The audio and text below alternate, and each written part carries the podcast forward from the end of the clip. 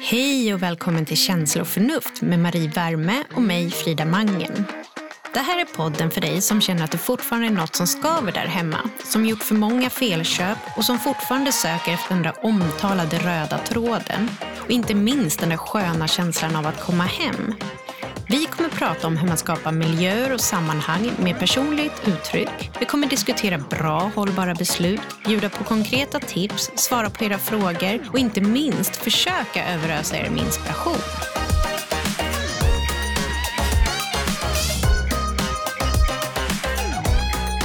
Men hej Jannike! Hej! Du, vi har Jannike Wistrand här i, i, i dagens avsnitt. Och du och jag har ju ett eh, förflutet ihop tänkte jag säga. Men, men jag, jag tycker det är så kul att se dig, för det, jag får ju se dig nu. Och det, för det var ju väldigt länge sedan Ja, vi sprang på den. Jättelänge sedan. Ja, Mm. och jag har ett så himla fint första minne av vår första fysiska träff. Jag vet inte om Mm. du minns när det var. Vet du det? Ja, det var i Milano. Ja, och det var en så fantastisk ljummen kväll. Vi kom från olika delar av Sverige inflygande så att därför möttes vi utanför hotellet. Och eh, vi skulle väl ut och äta middag. Vi hade ett stammisställe jag tror vi skulle ta dig till. Och du stod där utanför svängdörren väldigt elegant. I, och jag minns precis, i en plisserad vadlång, jag tror lite ljusrosa, smutsrosa kjol och eh, höga klackar, apropå stilsnack då. Men, och jag tror en liten skarves i halsen. Otroligt elegant. Och jag, kände, jag kommer ihåg att jag kände att nu får jag skärpa till mig.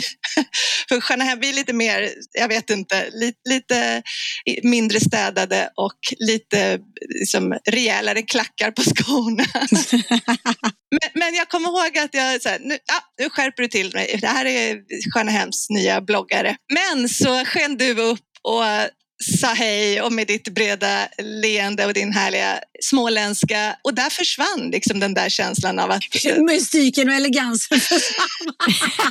Nej, men det tog en sekund så var du liksom bara en i gänget och vi hade ju helt fantastiska dagar Ja, som var bara var, ja, det var så naturligt och det var bara så här. Och, och den, måste jag säga Jannike, den energin du har, den har liksom följt med dig och det, det första intrycket jag fick av dig, det har följt med dig och mig liksom under de få gångerna vi har mötts Mm. i den här branschen under åren. Men apropå det så, så leder det lite vidare till ämnet för dagen Mm. där vi kommer fråga dig om, lite kring dina kunskaper om feng shui. Mm. Men med det så vill jag lämna över lite frågestunden till Frida som, som är Mm. faktiskt den i podden som ställer de flesta frågorna till mig och som undrar saker och Mm. sådär.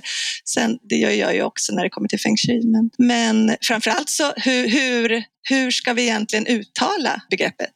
Kände jag nu. Alla säger så olika. Ja, men det heter egentligen feng shui. Men jag säger ju feng shui med tanke på min småländska, du vet. för det första, tack så fin inledning. Det var väldigt fint. Jag blev ju nästan lite rörd. Det lät ju nästan för bra för att vara sant. Det lät som jag nästan trodde att jag var i Paris när du sa att jag dundrade in där elegant. Ja, nej, eh, nu sitter jag i min walk-in closet här och det är kanske inte lika elegant än men eh, feng shui säger, man, säger jag, men annan så säger man feng shui. Man säger Vi kör den svenska Ja. varianten, eller hur? tänker jag. Hej Annika och välkommen ska jag också säga. Jag, jag tänker alltid på Solsidan. Jag vet inte om ni kommer ihåg när de pratar om hur man uttalar om man ska säga Ja, New York. eller New York. New York. Men varmt välkommen Jannica. Jag är ju som sagt trogen Mm. följare. Jag flyttade till mitt hus för åtta år sedan och det var nog då jag kom i kontakt första gången med Mm. feng shui och, och din eh, blogg tror jag Mm. det var då och sedan podd Mm. eh, och som hjälpte mig väldigt mycket när jag började fundera på hur jag skulle möblera det här liksom, huset från att flytta från en lägenhet. Och jag kommer ihåg just det här med flöden och att man inte ska eh, ställa möbler längs väggarna. Mm. Så vi är väldigt glada att du är här hos oss idag.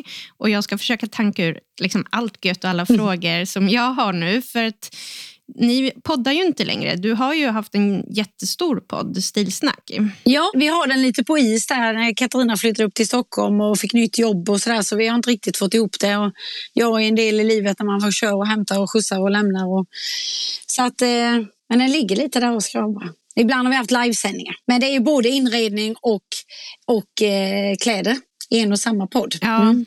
Det är ju Den gemensamma nämnaren är handfasta tips. Så stilexperten ger handfasta tips om hur man klär sig ut efter sin kroppsform, färger och jag ut efter sin stil. För feng shui är ju ingen stil. Men kan du inte berätta lite kort, Mm. Jannike, vem du är för de som inte har lyssnat? Nu har vi gett våra liksom, beskrivningar av dig. Ja, jag är ju då eh, 40, fyller ju snart 48 år här nu. Jag är 48 år och jag eh, jobbar då som inredare, certifierad inredare och feng shui-konsult. Driver mitt egna bolag som heter Simplicity AB. Men jag ändrade egentligen bana. Jag är civilekonom från grunden och jobbade som marknadschef i många år och sen bytte jag bana. Var i princip egentligen tvungen att byta bana för jag fick en sjukdom som jag inte kunde jobba 100% med längre och, och kände väl det är väl ofta sådana livskriser som man tänker lite på vad man verkligen vill göra. Och eh, också lite för att skapa mig en vardag som jag kan leva med och sköta själv och inte behöva vara en sjukpensionär typ. Så att, eh, det var väl så det egentligen det började och eh, jag har alltid haft ett intresse för feng shui. Och beteendevetenskap, det är så kul att du säger det. Så att jag har alltid varit intresserad av just skönhet, vackra ting, vackert hem och beteendevetenskap. Så när jag kom i kontakt med feng shui så var det ganska så match made in heaven kan jag säga. Att jag kände direkt, ni vet den där härliga upplevelsen. Men så hade jag det bara som ett intresse i många, många, många år. Och sen eh, när jag väl började titta lite på hur jag skulle kunna starta en ny vardag och ett nytt liv med min sjukdom så blev det liksom att jag såg att det här gynnar ju både mig som person och faktiskt så kände jag väl också att det saknades, precis det du säger. Det är mycket vackra inredningar, det är mycket program där man inte får reda på varför en inredare gör någonting. Och då kände jag att det saknades någon som berättar varför saker och ting känns bra, varför det känns mindre bra. Och att eh, vem som helst skulle kunna använda mina tips. Så det var så lite det började. Och vad är feng shui då, för den som inte vet vad det är? Ja, feng shui är ju, en, in, det är ju inte en inredningslära utan det är ju ett sätt att leva kan man säga. Det kan man ju applicera på allting. Men det är ju en österländsk lära som är över 3000 år gammal. Och där egentligen allting i grunden handlar om att efterlikna naturen på så många sätt som möjligt. För det är i naturen vi trivs. Och det är i naturen vi samlar kraft och energi. Och eh, naturen är alltid vacker. Den eh, följer ju årstidernas skiftningar och det kan man ju tänka sig. På hösten så är allting liksom så här, tonerna går igen. På våren blir allting lite krispigare och då är grönskan lika krispig som blommorna och så vidare. Så att allting är alltid harmoniskt baserat och lite ut efter det man delar upp saker och ting. Allting kan delas upp i de här elementen. Man pratar också om motsatsförhållanden. Och, så att eh, det är ett sätt att leva och att skapa balans kan man säga på olika sätt. Så det är ingen inredningsstil som många tror. Det, det har jag hört ibland. Att, och då får man inte ha något framme och allt ska vara vitt och rensat. Så är det ju inte. Jag, jag tittar ut ur mitt fönster och så är det så här 50 nyanser av nu är- grått ja, med lite ser, lätt Det är balans i grått just nu. Nej, men det är faktiskt den bästa, tycker jag, när folk inte riktigt förstår. Det är när man berättar hur kallt och kargt det är nu. Det kan också vara vitt ute, säger vi. Om vi låter det säga att det är snö också ute och vitt. Hur man då, när man ser ett vitt sovrum med vita lakan, vita väggar, hur liksom det blir precis samma sak som, som, som det är ute och att det inte alls tillför det vi behöver. Utan tvärtom, nu behöver vi liksom få in det vi saknar ute. Värmen genom eld, belysning, varma material, varma färger. Att vi adderar grönskan när den inte finns. Det är ju inte för inte att vi tänder ljus på hösten och tycker det är mysigt eller tar in det röda till jul. Det är ju för att kompensera. Det. Allting handlar om att kompensera i feng shui och jag älskar det. För det gör ju att folk, liksom, har man något runt så ser man att ja, men då kanske jag ska ha något kantigt. Har jag något högt så ska jag ha något lågt. Alltså att det är väldigt, har man lite koll på det här med motsatsförhållanden så kan man komma rätt långt faktiskt för att känna en tillfredsställelse. Men du pratar om att det bygger ändå på element. Vilka element är det det Mm. bygger på? Och det kan jag väl säga, det var här jag fick mina här-upplevelser och det var så jag blev hooked. Jag hade tentaångest med min väninna och vi var på, på biblioteket och skulle plugga företagsekonomi men då gick jag i inredningshyllorna. Och så hittade jag en feng shui-bok och så tänkte jag, ja, men den var ändå liksom sådär, för då började jag läsa om de här elementen. Och det finns ju då fem element. Och det är då eh, jord, eh, metall, vatten, trä och eld. Och alla de här elementen kan man liksom bena upp allt vi har runt omkring oss i. Antingen i färg, form eller material. Och jag brukar när jag pratar feng shui och för att man lätt ska lära sig så brukar jag prata färger i de elementen för då, är det, då, då hajar man ganska så snabbt och man kan lätt se när det känns obalans eller du kan lätt liksom titta på ditt rum och känna vad är det som fattas här och så tar du upp dem i färger så känner du aha jag behöver lite trä, alltså jag behöver lite grönska. Så att jord snabbt då i färg kan vara jord. Det är ju rätt lätt. Brunt, bruna toner, beige toner, grejs. Metall är pasteller, vitt och eh, ljusgrått. Vatten är mörka färger, svart, blått mörkrött, mörkgrönt. Trä är som man kan tro nästan då grönska. Och sen eld är sprakande eld som är gult, orange och rött. Sen då så kan ju elden också vara då till exempel om man nu då ska gissa på material så är det ju naturligtvis då tänt ljus eller belysning och så vidare. Men om man benar upp de här sakerna och det var så jag gjorde. Jag kom hem med den där boken.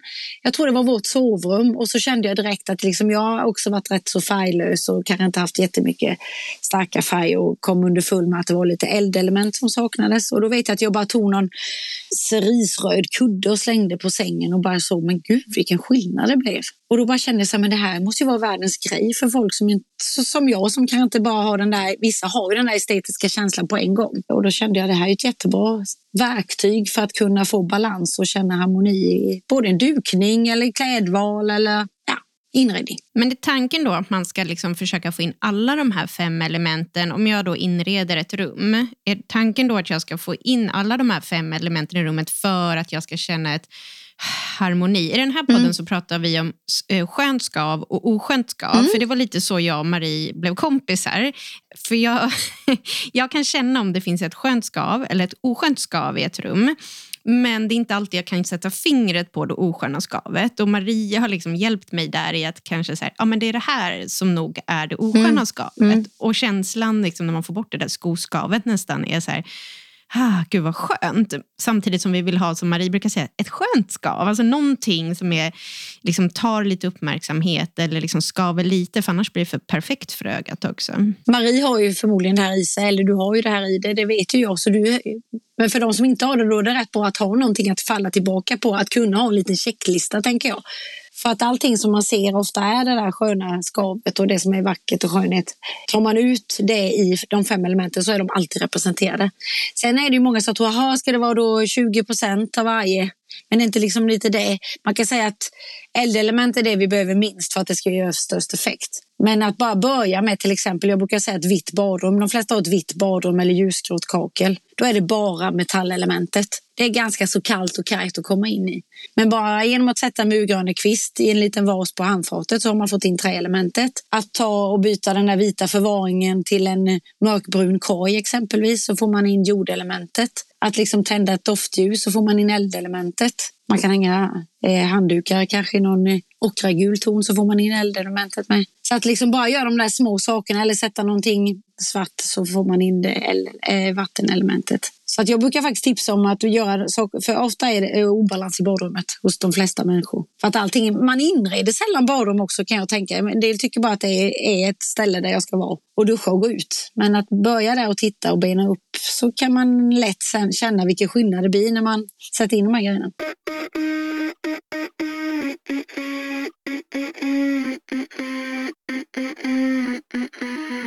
Ja, men vilket bra tips, Jannike. Men jag tänker också på att många hem, nu om man tittar på hur det har sett ut, har ju också varit väldigt beiga. Och Marie säger att hon drömmer om det, det beiga hemmet.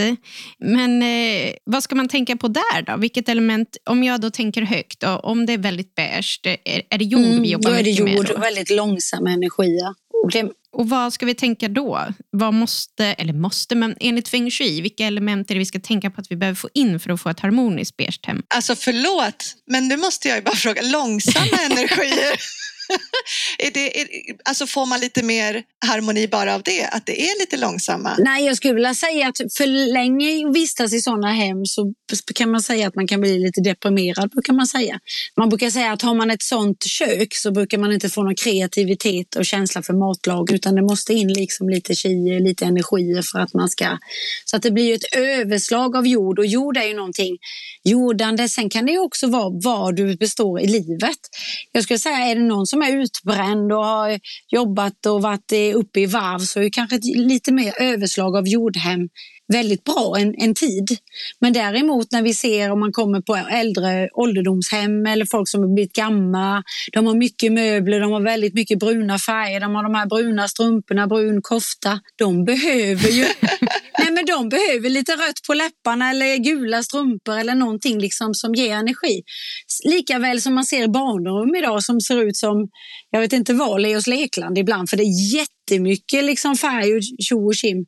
Och där ungarna i livet, de är ju mycket träelement i, i sig själva. Mycket kreativt, eh, mycket energi och så vidare. Där kanske man då istället ska kanske softa ner rummet eftersom där ska de också sova och kunna koppla ja, av. Är ni med mm. mig? Så att mm. ibland jag tror det är, och är det någon som har varit deprimerad en längre tid, ja, då kanske man måste ha lite ljusare hem. Man kanske måste ha, det är inte för vi går på sådana ljusterapirum och sånt. Men ändå bör man ju ha, så om din svar på frågan är ju att där det är mycket brunt och det så är det ju viktigt med till exempel det man säger då är jord och vad som eh, hjälper till med jorden och vad som växer i jorden det är ju träelement. Om man ska komma ihåg det lite rätt bra.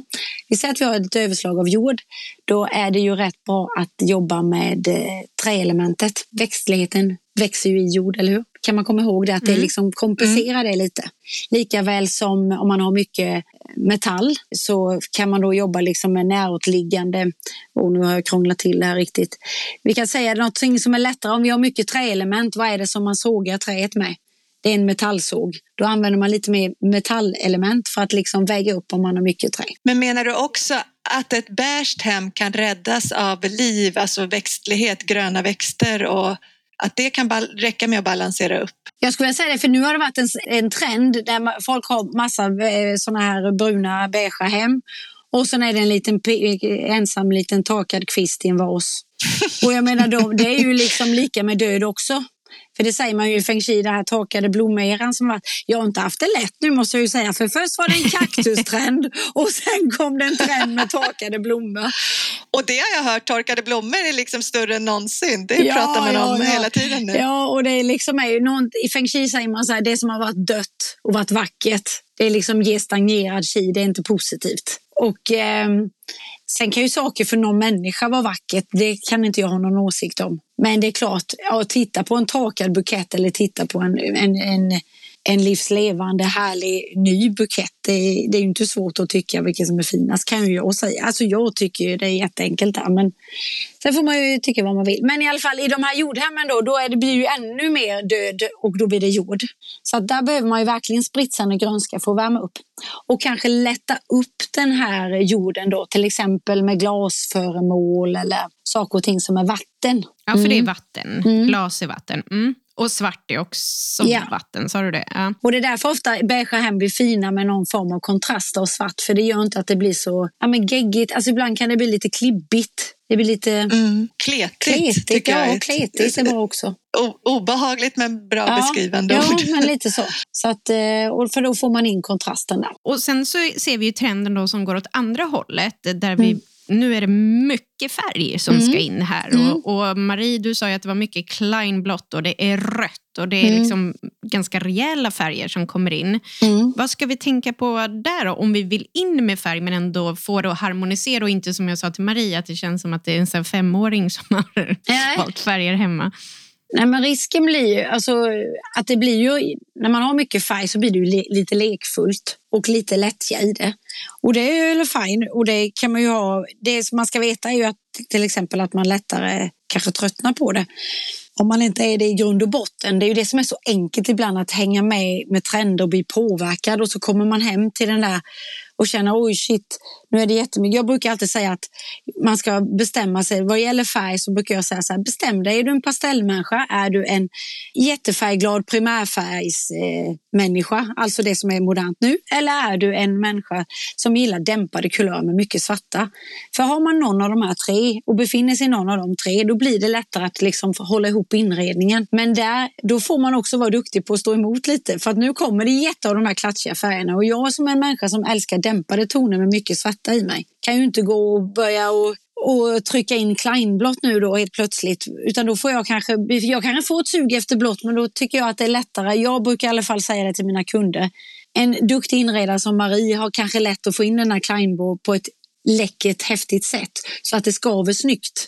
Men vanliga människor kanske går och köper kleinblå ljus och skålar och så blir det bara plottrigt. Då är det bättre att man istället går in på en mer duvblågrå i mitt fall då, eller någon ljusblå pastell om man är pastellmänniska. Men det man ska tänka på om man nu börjar med de här alla färgerna och tycker det är kul, det är ju att man kanske då istället väljer färgen utefter det rum den ska vara i. Så att man inte liksom, idag vet vi med forskning att vårt hjärta slår snabbare, vi får högre puls, vi blinkar oftare och vi är mer stressade i rum med rött. Det finns liksom, Rickard Kyl har gjort en mängd sån forskning och eh, det tycker jag man ska ta i beaktande, att man inte då har det röda i sovrummet.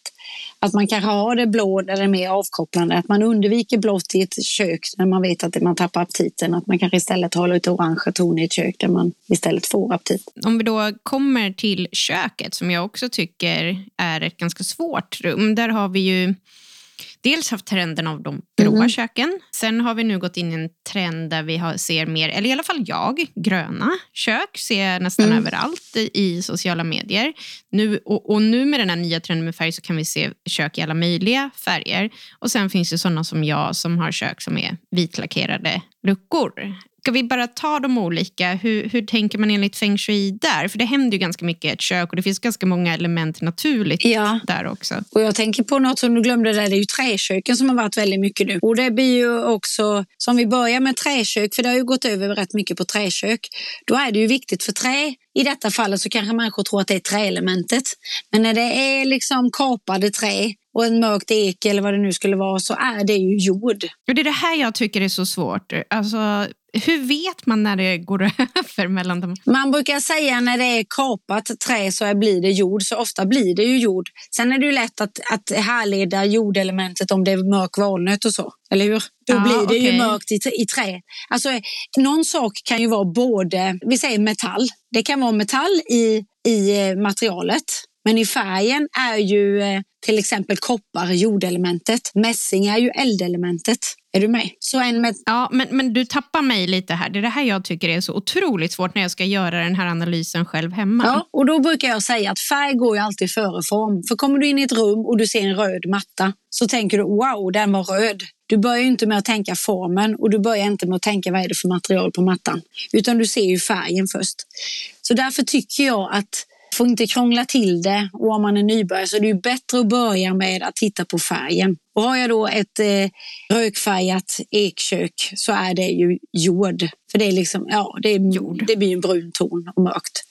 Och då skulle jag vilja säga att då blir det ju som att det som man glömmer då i köket, då kanske man jobbar också med eh, marmor exempelvis som material och då är det faktiskt också jord så det blir väldigt mycket tungt. Så där kanske man får jobba in med lite metaller på vissa ställen. Man kanske väljer metallkylskåp eller att man jobbar med lite rostfritt och så för att liksom lätta upp, precis som vi pratade om innan. Sen har vi det gröna köket. Grönt är ju naturlig, det är ju en ganska så rofylld färg. Och grönt brukar man ju säga då, alltså träelementet vill vi ha in i form av, det är också sådana klassiker, ni vet när man eh, ska styla ett, ett kök inför försäljning så lägger man alltid de där citronerna, lite, lite kryddor och så vidare. Och det är inte fint att man gör det, för då är det för att addera det där lilla träelementet. Och det är rätt kul, för det är också feng shui. Det är ju för att få till lite växtlighet till köket. Men har du ett träkök med grönska så är det inte lika mycket behov av att sätta in de där citronerna. Ja, kanske citronerna för det kan ju vara ett eldelement. Men liksom den här gröna kryddorna. Det är det ju mer behov av skulle jag säga vi som har vita kök. Då får man jobba lite mer. Och det är det jag säger också folk som kör vita väggar för de vill göra det enkelt. Det de inte har fattat är att de gör det svårare för sig. För man måste jobba så mycket mer för att få en balans i, ett hem med vita väggar och vita möbler. Men gör då Jannike, nu ska jag testa mitt kök då, så har jag vita lackade luckor. Då har vi metall. Där har vi metall. Och sen så har jag adderat en klätterväxt runt mitt fönster. Perfekt. Så där får jag Träd. in jord. Träd. Ja, träd. Mm. Mm. sen har jag en lampa som är i koppar, en kvistlampa. Mm, då får du in jorden. Mm. Då får jag in jord. Och sen så har jag en, ja, på ena sidan har jag en mörk träskiva som jag har oljat in, betsat. Och på den andra har jag en riktig stenskiva som är ganska mörk. Hur har du jord också? Jord, jord. Kopparlampan då? Var inte det lite eld? När det både var belysning och eh, materialet koppar? Ja, alltså belysning blir det ju, när den lyser är det ju eld. Men det är det många säger, ja men jag har en lampa men när den aldrig tänds så är den ju inte eld. Nej, okej. Okay, Även om den är tänd. koppar? Och det är ju inte alla som alltid, och i dessa eltider kan man inte ens ha tänt det är många som saknar eld där. Det är nog många som saknar eld där hemma nu och får köpa röda kuddfodral istället. Men det som är att det är jord, eh, koppar brukar man säga är jord. Mässing är eld för det är lite mer glammigare. Silver blir ju metall. Okej, så det är Mm. vatten du ville ha in där. Kan, kan min rostfria kyl och frys... eh, Nej, det är metall. Nej. Har du något glas eller? Du har ju Ja, ett fönster, stort fönster i Ja. köket. Ja, det, är ju vatten? Men det, jag skulle inte vilja räkna med de grejerna utan man måste på något vis få in, men du kan ju säga att det är eh, glas, men det känns ju som att du ändå saknar lite mer. Du har ett överslag av jord, låter det lite så. Ja, i och för sig, du hade också vi- vita luckor. Så att du behöver jobba lite mer Mm. med både elden, skulle jag vilja säga, och vattnet. Jord har du och metall Mm. har du. Och sen den där trärankan där då, växten. Den, den, tänk om du skulle ta bort den, då hade du genast känt det. Det är det jag tycker är så kul. Om man tar bort vissa saker så känner man direkt, ah, lika väl som när man tillför någonting. Men om då du skulle sätta ett fat med citroner och kanske någon, eh, inte vet jag vad du har för stil, men smidesljusstake, någon vacker ljusstake svart på bänken så kanske du hade känt att wow, där kom den där sista biten. Jag har ju en sån här korg som hänger, eh, nätkorg där jag har ägg och lite sånt. Jag får kanske kasta in lite citroner där. Då. Eller tomater. Jag pratar ju ofta, Jannica, i Mm. inredningssammanhang om att tillföra liv Mm. i form av lite flörtiga saker. Alltså Mm. Det kan vara ett, ett, en tavla med ett porträtt med ögon som talar till Mm. oss eller små figuriner eller andra roliga element. Och jag som känner Frida nu vet ju att det finns massor med roliga element även i Mm. köket.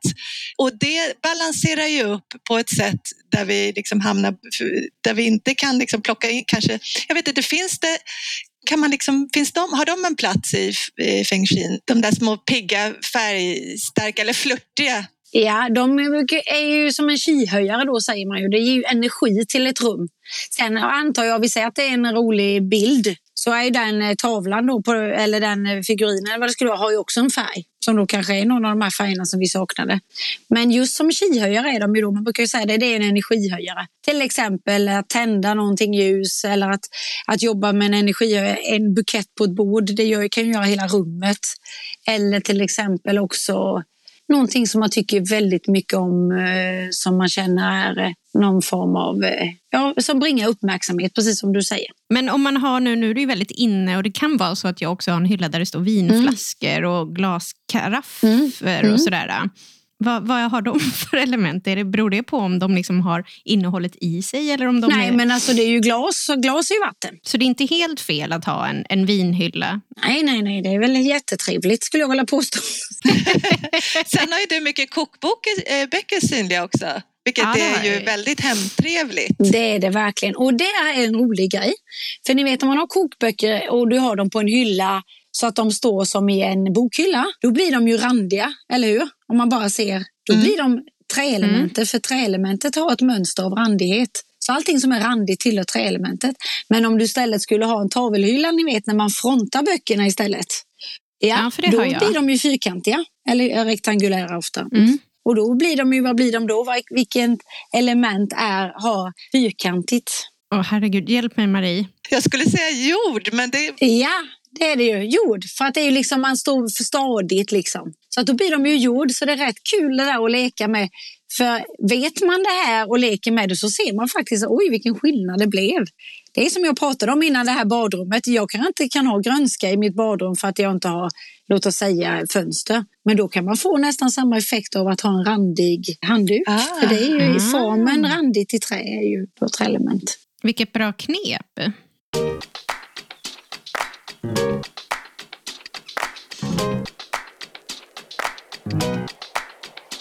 Men du pratade här om energier också, Jannike. Mm. Vad, vad är det? Du pratar om chi. Ja, det är ju här ibland man kan tappa en del för de bara tycker att det blir hokus pokus.